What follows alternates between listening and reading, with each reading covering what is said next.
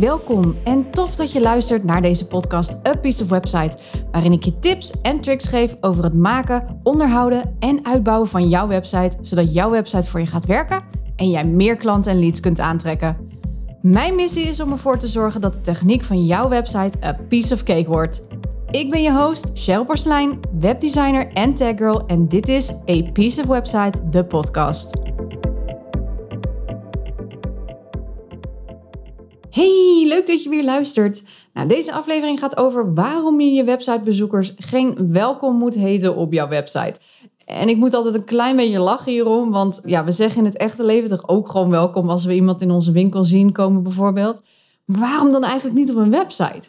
Nou, eigenlijk is het een beetje een lullige reden. Je bezoekers weten namelijk wel dat ze welkom zijn op je website. Want je krijgt dan zo'n no shit Sherlock idee, weet je wel. Dus vandaar dat ik dat altijd een beetje grappig vind. Mensen komen namelijk op je website omdat zij willen weten wat jij te bieden hebt. Niet omdat jij ze welkom heet. Je websitebezoekers willen direct al weten wat jij in huis hebt. Wie ben jij? Wat doe jij? En hoe maak jij iemands leven beter? Dat zijn de vragen die je in de eerste paar seconden moet kunnen beantwoorden voor je websitebezoeker. Dat is best snel, hè? Ze willen namelijk dus echt ook heel snel weten of ze wel op de juiste website zijn beland, op de juiste plek, bij de juiste persoon. Doe je dat niet, ja, dan zal men je website weer afsluiten en daarvan komt meer dan de helft niet meer terug. Ja, daar hadden toch best wel wat klanten kunnen tussen zitten, dus dat is wel echt super jammer. Dus wat je eigenlijk doet, is de belangrijkste zin van jouw website verspil je aan het welkom op deze website uh, heten, zeg maar. Dus als je dat neerzet van welkom op deze website, ja, dan verspil je gewoon een heel goed moment en die eerste goede indruk. Niet alleen vanwege die connectie, wat ik het net over had met je websitebezoek, maar ook nog eens met Google. Die eerste zin, namelijk op je homepage, noemen we een H1-tag. Zoals we dat uh, heel mooi webdesignland als benoemen. Deze H1-tag die wordt dus gezien door Google als de belangrijkste tag. Dus de belangrijkste kop op de website. En daar wordt dus heel veel waarde aan gehecht. En het is dus zaak dat je daar een zoekwoord of misschien wel meerdere zoekwoorden in gaat zetten. Plus dus op de manier dat je al die vragen beantwoordt. Dus hou wel in je achterhoofd van dat je wel die vragen beantwoordt van wie ben je, wat doe jij en waarom kun jij iemands leven beter maken. Maar daar zullen best wel zoekwoorden tussen kunnen zitten. Dus je maakt daar een mix van. En daardoor maak je het dus in één klap eh, heel interessant voor zowel je websitebezoeker als dus voor Google. Daarom is het dus heel belangrijk dat je jezelf wat tijd gunt om met iets goed te komen. Nou, ik ga even je een voorbeeld geven. Als jij nou hoort, ik zet het volgende op mijn website. Welkom, ik ben Mieke en ik zet jou in jouw kracht. Ik ga ervan uit dat jij nu helemaal in een deuk ligt. ik namelijk wel een beetje. Um, ik krijg altijd wel een beetje de slappe lach als ik dit soort zinnen lees. Want ja, Mieke, bedankt. Maar uh, what's in it for me? Weet je? En oh ja, en wat is in je kracht zetten? En welke kracht dan precies? Nou, zoals je hoort, het roept dus veel meer vragen op dan dat het ze beantwoordt. Dus dat is wel even iets om goed over na te denken. Nou, dan nu een voorbeeld natuurlijk hoe dat beter kan. Bijvoorbeeld, leer jouw message te verduidelijken zodat je meer betrokken klanten aantrekt.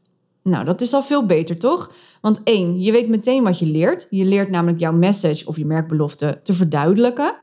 En twee, het resultaat is daarmee dat je meer betrokken klanten aantrekt. Je kan ook kiezen voor het woord ideale klanten. Je kan ook het kiezen voor het woord ambitieuze klanten. Het hangt maar net vanaf wat jij wil natuurlijk. Maar als je dat dus zo aanpakt, dan heb je dus al twee vragen meteen beantwoord. En dan zou je er nog als subtitel onder kunnen zetten van... Ik ben Mieke en ik help ondernemers hun message te verduidelijken... zodat ze alleen nog maar werken met hun ideale klant. Nou, dan heb je dus meteen alles in één en dat klinkt ook dus meteen een stuk duidelijker. Dus daar kan men ook veel makkelijker op zetten.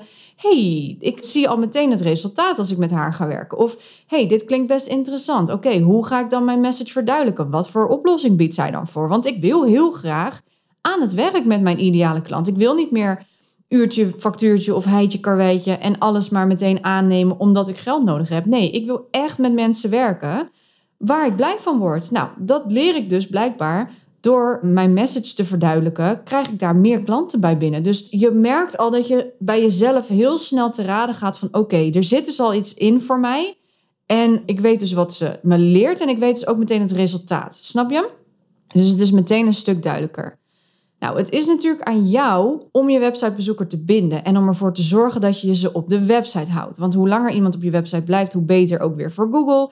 Maar daarnaast ook hoe meer iemand geïnteresseerd natuurlijk is. Want hoe langer iemand blijft, des te waarschijnlijker iemand sneller een aankoop zal doen of een afspraak bij je inboekt, omdat ze geïnteresseerd zijn in wat jij hebt te vertellen.